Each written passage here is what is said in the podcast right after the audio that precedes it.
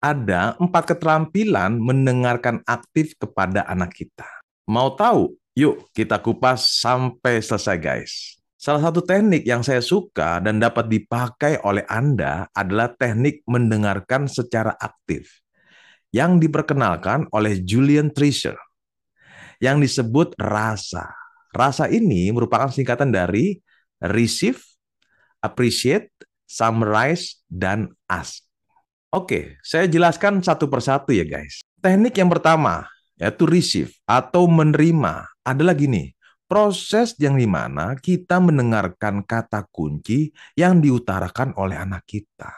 Serta memahami unsur emosi yang terkandung dalam komunikasi tersebut guys.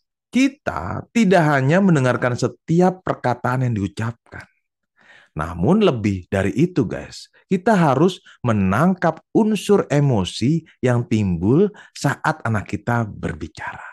Sekarang teknik yang kedua yaitu appreciate atau menghargai. Nah, menghargai adalah proses di mana kita memberi penghargaan kepada anak kita dengan memberi ruang untuk berbicara.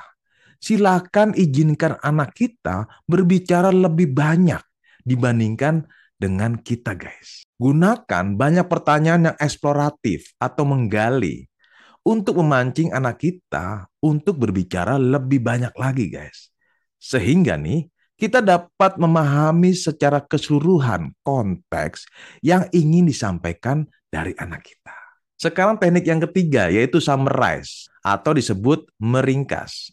Agar makna yang disampaikan tersampaikan dengan baik dan benar, maka kita dapat melakukan perulangan kalimat dari konteks yang disampaikan oleh anak kita, guys. Tujuan dari perulangan kalimat tersebut adalah gini, guys. Untuk memastikan pesan yang disampaikan itu kita pahami sesuai dengan konteks yang ingin disampaikan oleh anak kita. Dengan melakukan perulangan kalimat secara baik, kita dapat menunjukkan bahwa kita mendengarkan secara penuh apa yang telah disampaikan dari anak kita. Teknik yang keempat yaitu ask atau menanyakan. Dalam proses mendengarkan secara aktif, kita tidak hanya menerima pesan yang disampaikan, namun juga mengajukan pertanyaan yang eksploratif atau menggali, guys. Kita dapat mengajukan pertanyaan terbuka untuk dapat menggali informasi yang lebih dalam dari anak kita, guys. Tujuan dari mengajukan pertanyaan yang eksploratif adalah agar dapat memicu anak kita untuk berbicara lebih banyak lagi, guys. Sehingga kita dapat mengetahui keseluruhan konteks pesan yang ingin disampaikan, guys. Berikut ini contoh kata tanya terbaik adalah ini, guys. Apa? Bagaimana? Nah, Nah, kita juga dapat menggunakan kapan, di mana, siapa, seberapa besar, kira-kira apa saja.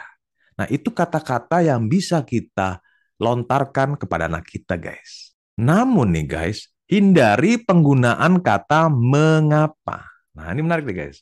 Kenapa? Karena penggunaan kata mengapa akan memberikan jawaban yang cenderung bersifat defensif. Alternatifnya, kita akan ganti mengapa dengan kata apa. Silahkan dicoba ya, pasti Anda bisa.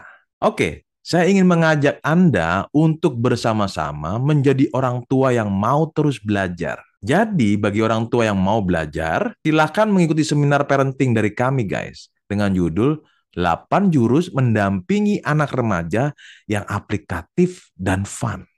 Dengan tujuan membentuk anak yang berkarakter unggul dan adaptif. Silahkan hubungi kami di 0821 1166 8592 atau klik di link kami ya guys. Itu saja dan salam semangat menjadi sahabat anak.